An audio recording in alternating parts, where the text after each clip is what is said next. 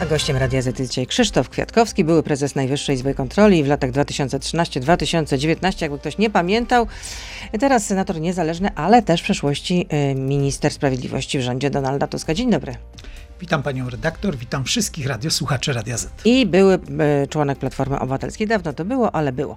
Zacznę od tego, co się wydarzyło tutaj wczoraj. Wczoraj na pana miejscu siedział Michał Woś, wiceminister Sprawiedliwości Solidarnej Polski. Mm, podważał wyniki kontroli NIK-u w sprawie Funduszu Sprawiedliwości, który jest w Ministerstwie Sprawiedliwości. I według pana ministra raport jest absurdalny, to jest efekt walki politycznej. Chodzi o to, że w, w Sejmie aktualnie znaj znajduje się wniosek o uchylenie immunitetu dla Mariana Banasia. No i powołał się na ustalenia Najwyższej Izby Kontroli, kiedy pan stał na czele tej instytucji, przepraszam, i yy, zacytuję tutaj pana wiceministra. Na tym samym stanie faktycznym poprzedni prezes mówił, że nie kieruje zawiadomień, bo nie ma podstawy prawnej, bo jest legalnie, bo jest kryterium legalności funduszu. Jak pan się do tego odniesie? Panie doktor, ja mam przed sobą raport e, z 2017 roku, Ale ogłaszany nie przeze mnie. Tak? Nie, ogłaszany w 2018 roku. W tym raporcie jest dokładnie to, co stwierdzono w tegorocznym raporcie. Zresztą zespół kontrolny, który przeprowadzał obie kontrole i koordynator kontroli jest ten sam. Ale to chcę pan co... powiedzieć, że ten aktualny raport jest powtórzeniem tego, co pan nie, wcześniej ustalił? jest absolutnie rozwinięciem. Zresztą ta kontrola jest w wyniku moich działań, bo ta kontrola sprzed trzech lat była w Ministerstwie Sprawiedliwości. My nie wchodziliśmy do beneficjentów nie mogliśmy udowodnić Fundacji Widma, na przykład e, tej, która była na Opolszczyźnie, bo w nich nie byliśmy. Był węższy zakres. Zresztą o tym niech świadczy fakt, że skala nieprawidłowości jest inna. Wtedy stwierdziliśmy, że 25 milionów przekazano na przykład nielegalnie Centralnemu Biuru Antykorupcyjnemu. Nielegalnie, Dzisiaj, nielegalnie, no, ale nie skierował pan wtedy wniosku do prokuratora. skierowałem, panie redaktor, skierowałem wniosek do Rzecznika Dyscypliny Finansów Publicznych, bo nielegalnie, z naruszeniem ustawy o finansach publicznych i dzisiaj korzystając z tej okazji, także patrząc na dobre samopoczucie wiceministrów e, sprawiedliwości, pytam publicznie, co się stało z wnioskiem, który skierowałem do Rzecznika Dyscypliny Finansów Publicznych właśnie w związku z naruszeniem przepisów w tym zakresie. Ja przypominam katalog kar, który tam jest, to jest także zakaz pełnienia funkcji publicznych związanych z dysponowaniem pieniędzmi publicznymi. Jak widać, bardzo by się przydał, bo dzisiaj różnica między tym raportem sprzed trzech lat i teraz jest taka, że wtedy mówiliśmy o nieprawidłowościach na poziomie 25 milionów, a dzisiaj 280 milionów. Czyli 10 razy więcej. I zgodzę się z jedną rzeczą z ministrem Wosiem. Tak, to jest efekt walki politycznej. Solidarna Polska rzeczywiście doprowadziła do sytuacji, że ma skarbonkę polityczną i finansuje te zadania, które jej są wygodne politycznie. Pan minister Woś, który to o tym mówił, zapomina już na przykład, że kiedy kandydował na radnego Sejmiku Wojewódzkiego, to nagle finansował na przykład salę gimnastyczną w swoim okręgu wyborczym w Raciborzu. Myślę, że to się Też nie Funduszu zmieniło. Sprawiedliwości? Oczywiście, że tak. Tak jak teraz minister Warchoł rozdawał pieniądze w Rzeszowie na różne szczytne idee, ale nie od tego ce- służy Fundusz Sprawiedliwości. No to w takim razie, jak nazwać tę wczorajszą wypowiedź pana wiceministra Wosia, jak tutaj siedział, nie wiem, w takim razie skłamał? Ja jestem bardzo kulturalny, więc mówię, że pan minister Woś miał wczoraj pomroczność jasną i mijał się z, i mijał się z prawdą szybkości Roberta, szybkością Roberta Kubicy na torze Formuły, nie, Formuły Ale mijać się z prawdą to znaczy kłamać. E, Mijał się z prawdą brzmi, e, brzmi ładniej, dlatego powiem, że mijał się z prawdą i to w sposób e, rażący, ale najsmutniejsze w tej sprawie jest jeszcze jedna rzecz. Czemu służył Fundusz Sprawiedliwości? Fundusz Sprawiedliwości został powołany po to, to mówię jako były minister sprawiedliwości, że ma pomagać ofiarom przestępstw. Dzisiaj w Polsce nie było pieniędzy na infolinię, telefon zaufania dla dzieci ofiary przemocy, przemocy domowej, a wydaje się na przykład 6 milionów e, złotych na badania związane z trwałością związku małżeńskiego w Peru, w Chinach, w Japonii na analizę książek e, Sapkowskiego i literatury fantastycznej. To mnie najbardziej uwiera, bo w państwie, w którym jest tak wiele potrzeb, właśnie związanych z ofiarami przemocy. Ja w zeszłym tygodniu miałem spotkanie z nauczycielami i wychowawcami ze schronisk Zgłaszają dla nieletnich, z zakładów poprawczych i zmowów, bo ten fundusz finansuje jeszcze jedno zadanie. On ma pomagać osobom, które na przykład opuszczają młodzieży zakłady poprawcze. Dzisiaj nie ma pieniędzy, żeby im pomóc w usamodzielnieniu się. Część z nich wraca do patologicznych rodzin, z których wyszła, a są pieniądze na to, żeby koledzy i przyjaciele królika, tak także kontaktami politycznymi. Fundacja Opolska jest tego najlepszym przykładem, że pieniądze trafiają Fundacja do, Exbono. Tak jest, ex bono do działaczy Solidarnej Polski, czy powiązanej z działaczami Solidarnej Polski. Dodatkowo jeszcze mało kto zwraca uwagę, że zmieniono zasady konkursu jeszcze w jednym względzie. E, Tam jest zwiększony odpis na tak zwane koszty własne. On może sięgać do 20%, czyli teoretycznie wydajemy milion złotych na szczytny cel, ale 200 tysięcy wydajemy sobie na wynagrodzenia dla członków zarządu. I ostatnim zdaniem, jak w ogóle doszło do tego, że dzisiaj tak twardo przedstawiciele ministerstwa mówią, ale my nie złamaliśmy przepisów w wymiarze prawnokarnym, bo w 2017 roku zmienili przepisy i rozszerzyli zakres zadań, które Wykonuje ten Fundusz Sprawiedliwości. można finansować z Funduszu Sprawiedliwości, dopisując tam między innymi każdą pozytywną zmianę społeczno-gospodarczą, w tym wartości e, religijne. Nie tak działają fundusze celowe. Przepisy w Polsce obowiązujące mówią, fundusz celowy musi precyzyjnie wskazywać zadania. Dzisiaj w praktyce jest to Fundusz Wyborczy Solidarnej Polski, bo to politycy Solidarnej Polski decydują, co jest dobre. Jak powiedział wczoraj Janusz Kowalski, fundusz to samo dobre. Tylko nie dodał, że samo dobre dla członków i rodziny e, członków e, Solidarnej Polski. No, mocno powiedziane, ale ja chciałabym jeszcze zapytać o to, co dzieje się w Senacie. Czy nie martwi pana, że wniosek o uchylenie immunitetu dla profesora Tomasza Grodzkiego, marszałka Senatu, nie może się doczekać głosowania? Martwi mnie to, że jak mówią członkowie Komisji Regulaminowej Senatu, bo nie jestem jej członkiem, wniosek prokuratury nie spełnia wymogów Cały czas e, nie spełnia? formalnych. Przecież najpierw Już- był w marcu, potem był w kwietniu i już cały czas był nie... odesłany. Drugi raz e, z tego, co mi przekazano, wskazano prokuraturze, jak go uzupełnić. To pokazuje, jak dzisiaj funkcjonuje Dobrze, e, ale, ale wrócił w kwietniu, jak rozumiem. Czyli, a jak podaje Rzeczpospolita, ten wniosek aktualnie teraz leży w, e, w szufladzie e, wicemarszałka Borusewicza. I nie dotarł jeszcze do komisji regulaminowej. Tak podaje Rzeczpospolita.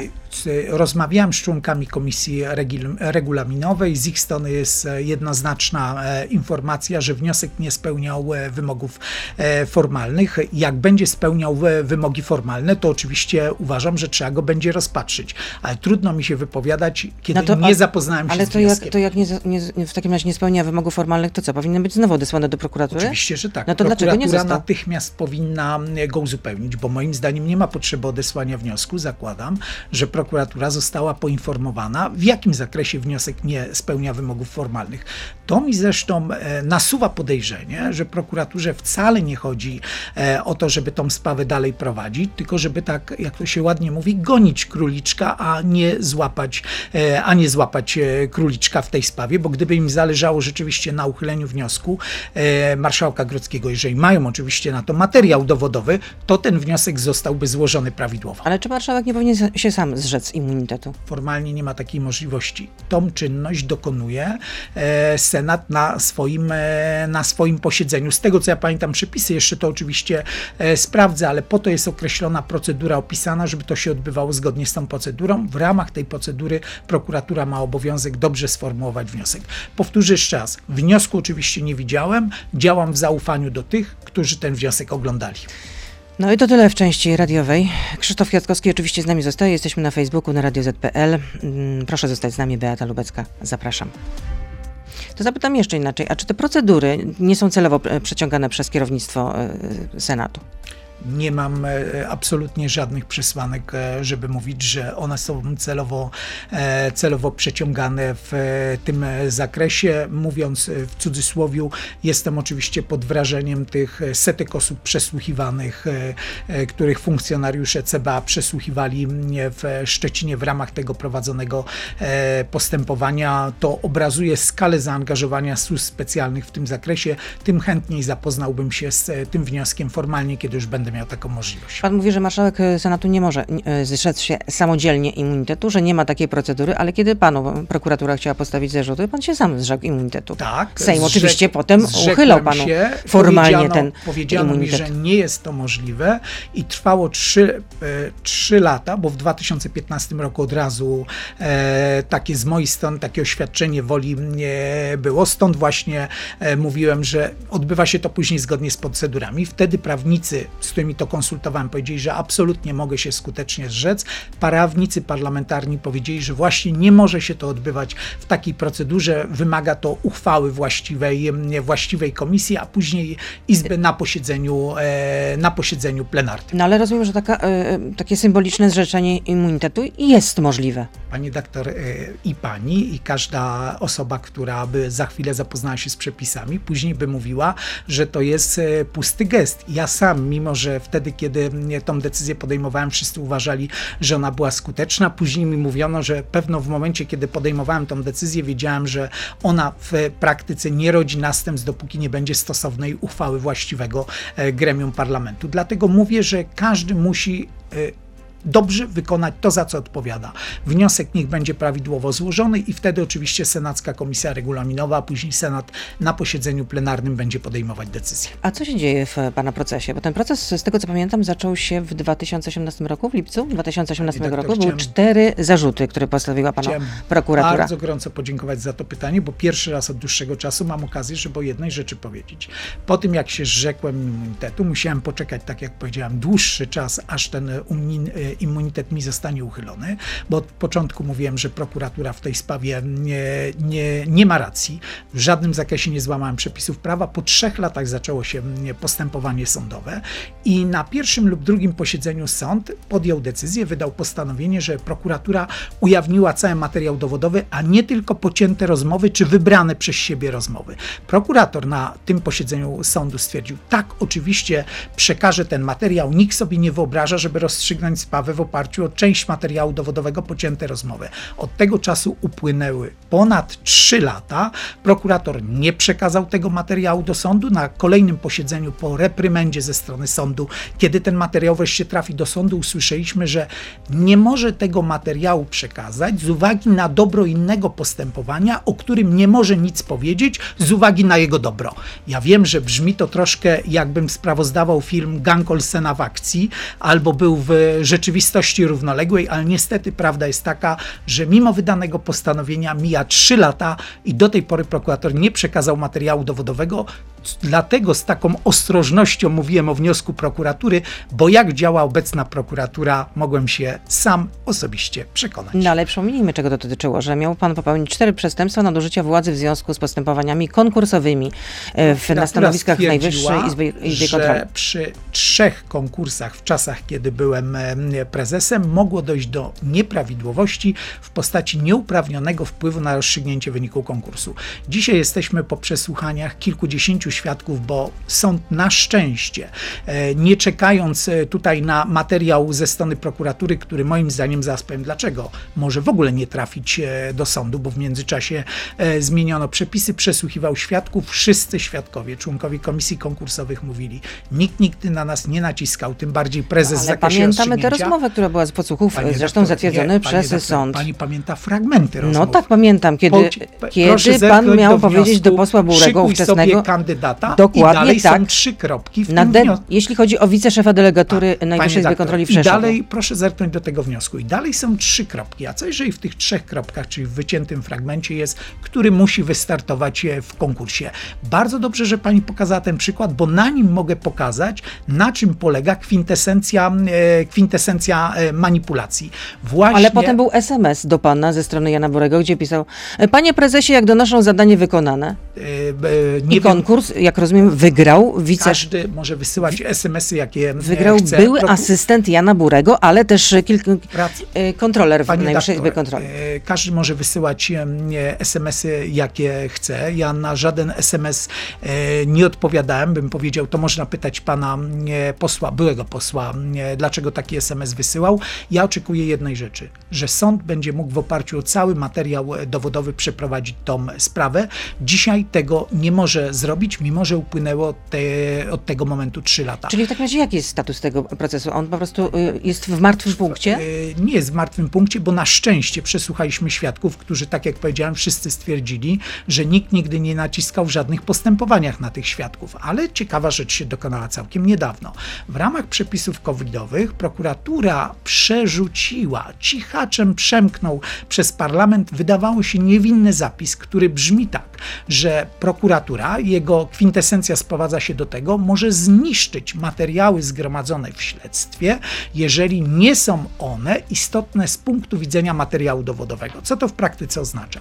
Kierujemy akt oskarżenia przeciwko pani redaktor. Przepraszam, podam przykład hipotetyczny przemawiający do wyobraźni. Tniemy pani rozmowy dostosowując do z góry założonej tezy.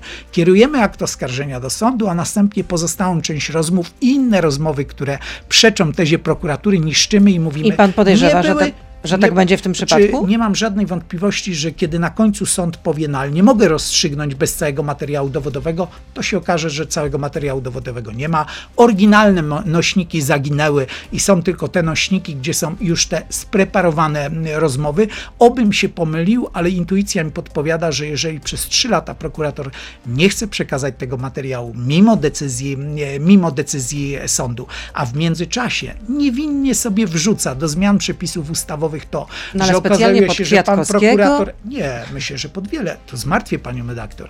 Nie chciałbym nadmiernie wystraszyć naszych radiosłuchaczy, ale musicie wiedzieć, to może dotyczyć także was. A czy każdy może się spotkać z sytuacją, że prokurator wypreparuje taki materiał, w cudzysłowie, dowodowy, jaki mu będzie wygodny, skieruje akt oskarżenia, a resztę materiału zniszczy jako nieistotne z jego punktu Czyli widzenia. jak pan podejrzewa, że jaki może być w takim razie wyrok? Że to będzie wyrok uniewi- uniewinniający? Panie doktorze, nie wiem, Nie wiem, e, no, sądy, sądy są w Polsce. niezawisłe. Chcę w to wierzyć, że sądy są e, niezawisłe. Za to nie mam żadnej wątpliwości, że prokuratura jest politycznie podporządkowana. Kieruje nią prokurator generalny, który jest jednocześnie ministrem sprawiedliwości. Proszę zwrócić uwagę, jak w tej sytuacji Funduszu Sprawiedliwości, z jaką e, do czynienia mamy sytuacją. Najwyższa Izba Kontroli po raz drugi mówi, w Funduszu Sprawiedliwości są nieprawidłowości. Wtedy był wniosek do Rzecznika Dyscypliny Finansów Publicznych. Dzisiaj mamy większą skalę, pojawiły się zawiadomienia do prokuratury. Ale w sprawie jednej I fundacji. W sprawie jednej Ex fundacji. z Opola. I co się okaże, że te nieprawidłowości w Funduszu Sprawiedliwości ministra Zbigniewa Ziobry, kto będzie wyjaśniał? Prokurator generalny Zbigniew e, Ziobro. I pani i ja zgodzimy się, że No obawiam wyłączy się, no wyłączy że, się absolutnie. E, obawiam się, że e, bym powiedział, będziemy mieli jedną decyzję, odmowę wszczęcia postępowania, gdyby ona obejmowała członków kierownictwa, albo szybkie umorzenie postępowania. Jestem bardzo ciekaw, proszę i apeluję w tym miejscu, wszyscy dopytajmy, co się stało z wnioskiem, który skierowałem do Rzecznika Dyscypliny Finansów Publicznych trzy lata temu w związku ze złamaniem przepisów ustawy o finansach publicznych w związku z wydatkami z Funduszu Sprawiedliwości. Będziemy mieli wtedy odpowiedź, jak sprawiedliwość wygląda w praktyce, jeżeli obejmuje swoich. Pytanie co słuchacza. Zgrywa pan osobę pouczającą, a jak był pan prezesem NIK-u, miał pan kompromitujące wypo- wypowiedzi na taśmach z podsłuchów. Czy żałuje pan tego? I tu jest y, przytoczona, y, przytoczony fragment tej rozmowy. Mm, y, Elżbieta Bieńkowska mówi, wspaniała instytucja, gratuluję ci. Ja nie wiem, jak ona ma ciągle dalej 60% zaufanie opinii publicznej. I pan ma odpowiadać, dobrze, że nikt się temu w szczegółach nie przygląda. Panie doktor, to jest rozmowa, która była zanim zostałem prezesem Najwyższej Izby Kontroli i mogę powiedzieć, że kiedy przyjrzałem się w szczegółach, dziękuję za to pytanie. W tym miejscu chciałbym bardzo ciepło i serdecznie podziękować kontrolerom NIK-u. To są naprawdę jedni z najlepszych profesjonalistów na świecie.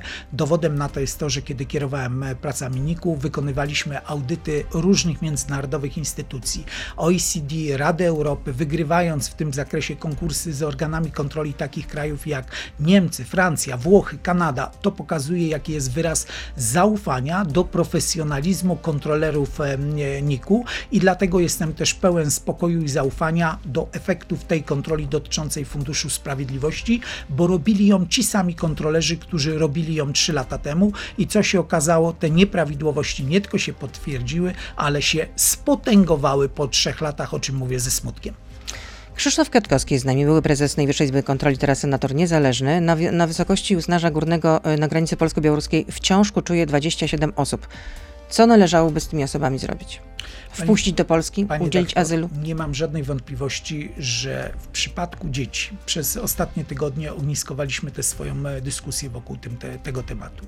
Są przepisy, które w tym zakresie obowiązują. Jest konwencja praw e, dzieci, praw dziecka. Jest konwencja genewska. Jest konwencja Jest genewska, ale ja już e, mówię Karta nawet, Praw Podstawowych Unii ja już Europejskiej. mówię konkretnie. Proszę wyobraźmy sobie, jak y, można nie mieć serca, a także w wymiarze takim, bym powiedział, prawnym, nie mieć pomyślunku. Jeżeli komuś się wydaje, że rozporządzeniem dowolnego ministra uchyla się konstytucję, konstytucja mówi o ochronie dziecka, uchyla się ustawa o cudzoziemcach, która mówi No, Ale o to- określonych to razie procedurach, pan sugeruje, uchyla się tylko, dzieci, a dorosłych już nie? y, sugeruje, że przy osobach, które już przekroczyły granice, absolutnie oczywiście w ramach ochrony granic, takie osoby y, trafiają do ośrodka. Tam jest procedura, która y, wynika ze stosownych przepisów sprawdzająca i podjęcie decyzji, czy te osoby wydalamy, czy te osoby y, pozostają na granicy. To, co się dzisiaj dzieje, jest po pierwsze nieludzkie w zakresie szczególnie tych spraw związanych właśnie z kobietami, z dziećmi, niezgodne z przepisami prawa i ochrona granic to nie jest zwolnienie od humanitaryzmu i od takiego empatycznego podejścia do drugiego e, człowieka. Polska była symbolem przez dekady, e, symbolem kraju, w którym prawa dziecka są szczególnie chronione. To w Polsce urodził się i działał Janusz Korczak, który mówił, że dziecko to też człowiek, ty- tylko że mały. W Polsce była profesor Łopatkowa, to Polska przygotowywała przepisy, które później były przepisami ogólnoświatowymi Organizacji Narodów Zjednoczonych dotyczących ochrony praw dziecka i dzisiaj ten wizerunek kraju, w którym dziecko jest szczególnie chronione, na całym świecie lek w gruzach, mówię już o tym od tej strony, bo jeżeli nie spodziewać się empatii, a widzę, że tej empatii czysto, czysto ludzkich odruchów spodziewać się nie należy, to przynajmniej odwołajmy się do pewnej tradycji, która w Polsce obowiązywała, tej tradycji prawnej i szanujmy te zobowiązania międzynarodowe, które Polskę wiążą. Ochrona granic jest oczywiście obowiązkiem państwa polskiego, trzeba to robić zgodnie. następni imigranci, następni uchodźcy. A pani uchodźcy. doktor zakłada, że jeżeli informacja, że ci uchodźcy nie trafiają przez Polskę do Niemiec, ale polskie służby są sprawne i trafiają do ośrodków i czy tego chcemy, czy nie, ta procedura jest naprawdę bardzo dłu- żmudna, czasochłonna, to ta informacja natychmiast e, trafi na przykład do Kurdystanu, bo oczywiście, że czytamy te sytuacje o tych połączeniach lotniczych e, Mińska z e, krajami, z których dochodzi do e, tej fali uchodźców. Ale Należałoby jeżeli- je ograniczyć, tylko jeżeli takim państwo polskie okaże się presję. sprawne, a dzisiaj się okazuje niesprawne, no dzisiaj mamy dobrą informację z jednej strony, bo wiemy już, że wszystko na to wskazuje, że dzieci, które e, były w e, ośrodku Straży Granicznej w Michałowie wyrzucone poza granicę, trafiły do Niemiec. To jest dobra informacja. Wszyscy baliśmy się, że wyrzucenie nocą dwuletniego, pięcioletniego, są- siedmioletniego. są Niemczech? Taka jest wczoraj informacja z jednej z telewizji. Mam nadzieję, że ona się, z jednej strony mam nadzieję, że ona się e, potwierdzi, a z drugiej strony co to oznacza? To oznacza, że państwo polskie mające tyle słów na ustach o skutecznej ochronie granic, tej granicy absolutnie skutecznie nie chroni. Z jednej strony pokazujemy, że jesteśmy niehumanitarni, nie liczymy się nawet z zagrożeniem życia i zdrowia ciężarnej matki czy małego dziecka, a z drugiej strony pokazujemy, że mimo tak drastycznych metod okazuje się, że obecnie rządzący nie są w stanie skutecznie pilnować granicy. każdego y, ucho- uchodźcę, który pojawi się na granicy, czy też migranta? Czy wpuszczać każdą osobę, która tam się pojawi? Dlaczego, skąd w ogóle mieliśmy ten problem? Bo się okazuje, że obecny rząd kompletnie nie jest w stanie wywiązać się ze swoich zadań. Bo jeżeli do Michałowa, już Ale odpowiadam. nie, ale to jest Panie konkretne doktor, pytanie, już- To jest konkretne pytanie i konkretna odpowiedź. Takie osoby trafiają do ośrodka. Osoby, które przechodzą przez oczywiście przejścia graniczne. Do tego jest Czyli określona wszystkie procedura. osoby, które pojawią się na granicy, powinny być kierowane do ośrodków Tak, dla uchodźców, nie mam tak? żadne- I tam procedura tak. spra- I sprawdzająca i ewentualnie to- azyl. A tak. jeżeli okaże się, że jest to osoba, która może zagrażać bezpieczeństwu, to się Natychmiast do wydalenie. Jest procedura wydalenia. Oczywiście, że tak, ona obowiązuje w bardzo, w bardzo wielu No krajach. Jeszcze tłumaczył, jedna- że, że, Panie wte, że grozi nam wtedy po prostu tutaj no, niemalże tsunami. Jeszcze jedna osób. informacja. Ja jestem pod wrażeniem. Właśnie dzisiaj przypomniałem sobie wystąpienie ówczesnej, e, przed zaprzysiężeniem, kandydatki na premiera Beaty Szydło, która mówiła o potężnej pozycji międzynarodowej, którą zbudujemy. No to przecież są jeszcze jedne, inne narzędzia. Ta potężna Polska może rozmawiać z władzami Iraku, Zjednoczonych Emiratów e, Arabskich i Turcji, z którą polski rząd niedawno podpisał ogromny kontrakt zbrojeniowy. O czym? O tym, żeby zlikwidować zlikwidować siatkę połączeń lotniczych z Mińskiem. Jeżeli te połączenia w dużej części w praktyce białoruskim liniom lotniczym służą do przewożenia uchodźców, to chce skorzystać choćby z ułamka tej potęgi państwa polskiego, o którym mówią obecni rządzący.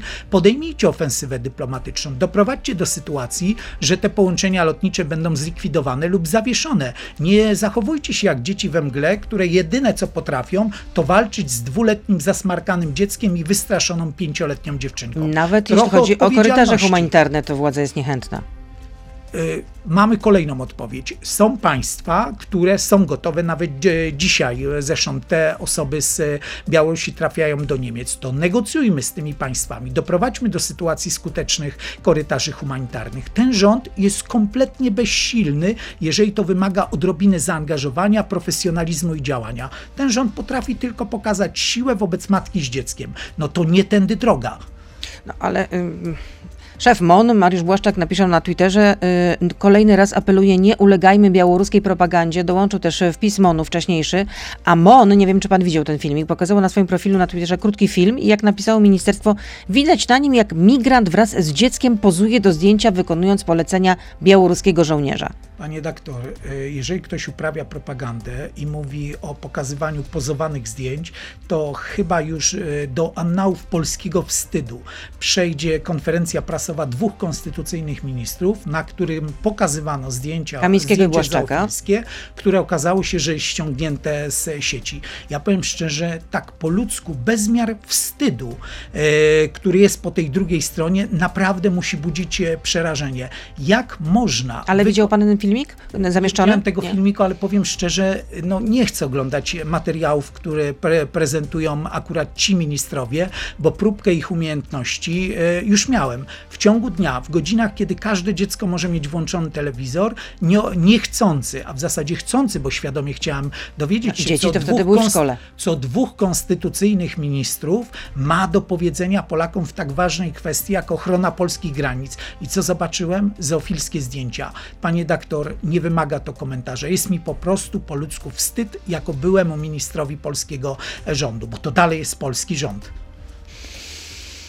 A jak idzie zbieranie podpisów w sprawie zakazu, e, zniesienia zakazu e, handlu w niedzielę? Pan wie? Panie doktor, Bo pan też się może nie tyle przyłączył do tej inicjatywy, o ile powiedział jako szef powtórzę- Komisji Ustawodawczej, że jeśli ten projekt obywatelski trafi do Senatu, to natychmiast będzie procedowany. Tak jest, powtórzę to, co powiedziałem na tej konferencji, jak ten projekt trafi do Komisji Ustawodawczej, bo uważam, że on jest szczególnie w okresie pandemii e, bardzo zasadny i potrzebny.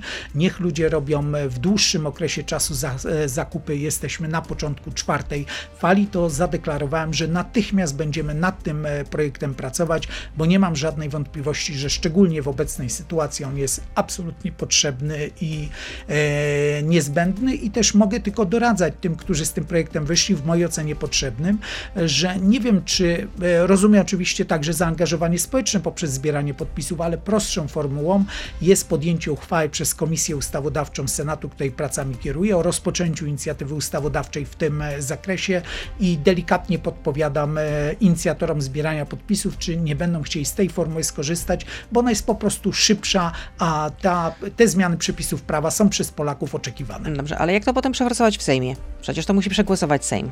Panie redaktor, dzisiaj nie ma już stabilnej większości tak naprawdę w żadnej z Głosowanie w spra- w sprawie Polskiego Ładu przykładów. jednak pokazało, że było e, Odwołam się do dwóch 235 e, głosów chyba było za, jeśli mnie pamięć nie myli. Odwołam się do dwóch przykładów. O Senacie to już w ogóle nie muszę mówić, bo w przypadku Lex TVN jedna czwarta klubu senackiego głosowała inaczej niż chciało kierownictwo, odrzucając ten projekt ustawy. A co do Sejmu, ile razy można korzystać z formuły, że Paweł Kukiz potrzebuje kilku godzin, żeby sobie przypomnieć, że miał głosować inaczej niż w praktyce na początku zagłosował. Ten wózek daleko nie ujedzie. Ja jestem przekonany, że na takich projektach jak ten, gdzie ponad połowa Polaków jednoznacznie, zdecydowanie mówi, tak, jesteśmy za odrzuceniem wprowadzeniem zakazu e, handlu w niedzielę. Przypominam, że w tej ustawie są też dwa ważne zapisy.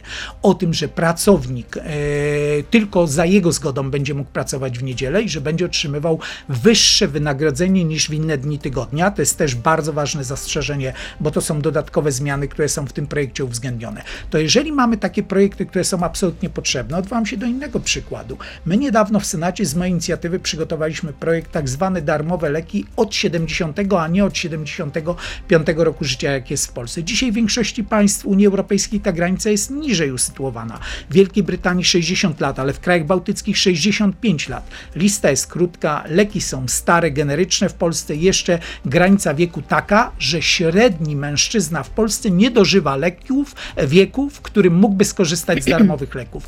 Apeluję, ponad 40 projektów ustaw, które przyjęła Komisja Ustawodawcza Senacka i później cały Senat, dzisiaj leży w Sejmie. Drogi Sejmie, weź się do roboty, do tego, za co posłowie otrzymują pieniądze od podatników. To jest apel w szczególności skierowany do marszałek e, Sejmu, która te projekty wrzuca do szuflady. Jest pytanie od słuchacza. Czy przeprowadził pan jako prezes NIK-u kontrolę w sprawie afery laptopowej rodem z putinowskiej Rosji, albo kiedy twórca antykomor był nękany przez ABW i niezależną, w cudzysłowie, prokuraturę? Pani doktor, y, w sprawie przepisów, tych, które umożliwiają prokuraturze korzystanie z przepisów karnych, żeby ścigać e, dziennikarzy. Dziennikarz to jest ta osoba szeroko rozumiana. Ona może pisać w dzienniku, pracować w radiu, ale może prowadzić też portal. Jako minister sprawiedliwości przygotowałem zmiany przepisów prawa, które uchylają przepisy, które umożliwiają prokuraturze wykorzystywanie przepisów prawa karnego. Mogę tylko powiedzieć, że żałuję, że te przepisy nie zostały E, nie zostały przyjęte. Dzisiaj nie mamy żadnej wątpliwości. Miałem taką sprawę interwencyjną w swoim biurze senatorskim, gdzie grupa nastolatków powiedziała i zrobiła może ciut wiele na zamkniętej imprezie właśnie związanej z osiągnięciem wieku pełnoletności i dzisiaj byli ścigani karnie, stoją przed sądem za obrażenie, za obrażenie prezydenta.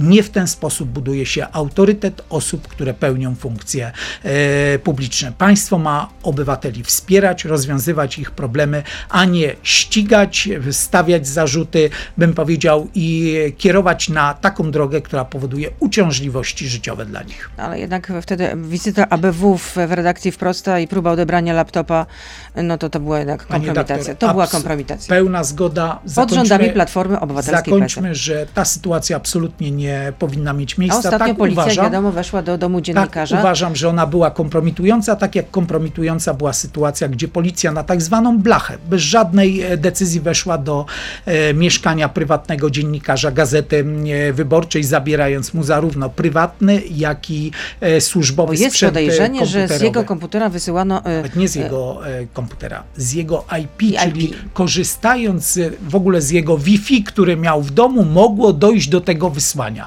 Wysłania gruźb do jednego z posłów Prawa i Sprawiedliwości. Tak jest.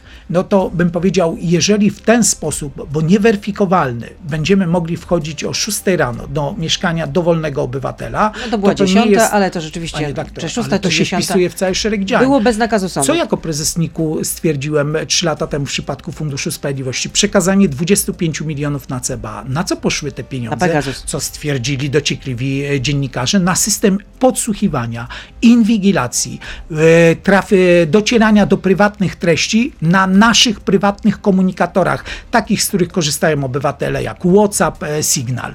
Bym powiedział, to temu mają służyć pieniądze na pomoc osobom poszkodowanym przestępstwem, żeby państwo skuteczniej podsłuchiwało, podsłuchiwało obywateli? Nie. Ten fundusz został utworzony w całkiem innych celach. Dzisiaj w Polsce mamy dziesiątki tysięcy osób, które na przykład e, są poszkodowane przestępstwem, są ofiarami wypadków drogowych, wymagają dużego czasu, nakładów finansowych na rehabilitację, leczenie. Część z nich nigdy nie wróci już do aktywności zawodowej. Te osoby są pozostawiane samemu, samym sobie, a po to miał właśnie służyć ten Fundusz Sprawiedliwości, żeby takim osobom przychodzić z pomocą.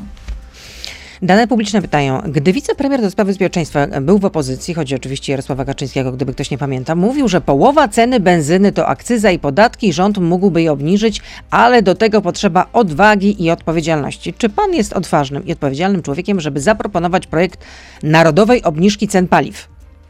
Pani doktor, jestem odważnym człowiekiem i jestem za tym, żeby natychmiast ograniczyć koszty e, Orlenu, który nie musi e, wydawać e, setek milionów złotych na zakup prasy regionalnej, na ogromne kampanie reklamowe. Te wszystkie koszty, jeżeli prezes Obajtek zostanie zmieniony, bo przy tym prezesie na to nie ma szansy, będzie tam nowy prezes, który będzie wiedział, że koncern paliwowy to między innymi narodowy, państwowy jest po to, żeby wpływać wpływać na rynek cen paliw poprzez niższe ceny paliw, ich stabilizację. Dzisiaj nie ma na to szansy przy tych rządzących, bo prezes Obajtek nie odpowiada za ceny paliw. Prezes Obajtek odpowiada dzisiaj w praktyce za e, to, żeby rynek mediów w Polsce był e, życzliwy, e, był życzliwy władzy. Prezes Obajtek odpowiada za to, że przejmuje inne spółki Skarbu Państwa, nie wiedzieć z czemu, bo jak się okazuje, nie, no przejęcia koncernów energetycznych, dzisiaj plany przejęcia PGNiG, które doskonale sobie radzi. To jest spółka, która rzeczywiście w tym obszarze gazowym i tak mamy podwyżki cen gazu, ale one relatywnie są troszeczkę mniejsze niż w państwach Europy Zachodniej. Zapewniam Państwa, dzisiaj mówię to publicznie. Jak Obajtek przejmie PGNiG, to za chwilę się przekonacie, ile może kosztować gaz w Polsce. Dlatego nie mam tutaj optymistycznych e, informacji dla tego, który pyta, za jednym wyjątkiem. Czas Obajtka i jemu podobnych powoli się kończy i będzie, będą te sprawy powoli porządkowane. Jest wyrok Europejskiego Trybunału Praw Człowieka, który uznał zwalnianie prezesów e, sądów przez ministra Ziobrę, że narusza to konwencję praw człowieka i Polska będzie musiała zapłacić po 20 tysięcy złotych euro odszkodowania. To jest oczywiście prosta konsekwencja tego, o czym od początku mówiliśmy. Dzisiaj postępowanie nominacyjne e, dla sędziów nie gwarantuje e, niezawisłości e, sędziowskiej. Wielokrotnie obecny KRS powoływał takie osoby, no, przy których mówienie, że one spełniały wymóg formalny, byłoby ale ogromnym i rażącym o, o, nadużyciem. Tak, ale prezesów, to jest tak... prezesów zwalanych przez pana ministra Już do tego przechodzę. przez fakcję, o tym Oczywiście, prasa. że tak. No, nie czasami, bo to była cała szeroka akcja, gdzie całą grupę bodaj, e, nie chcę tutaj przestrzelić, ale nie wiem, 100 czy 200 prezesów, wszystkich zwolniono w tej samej formule, w formule faksowej.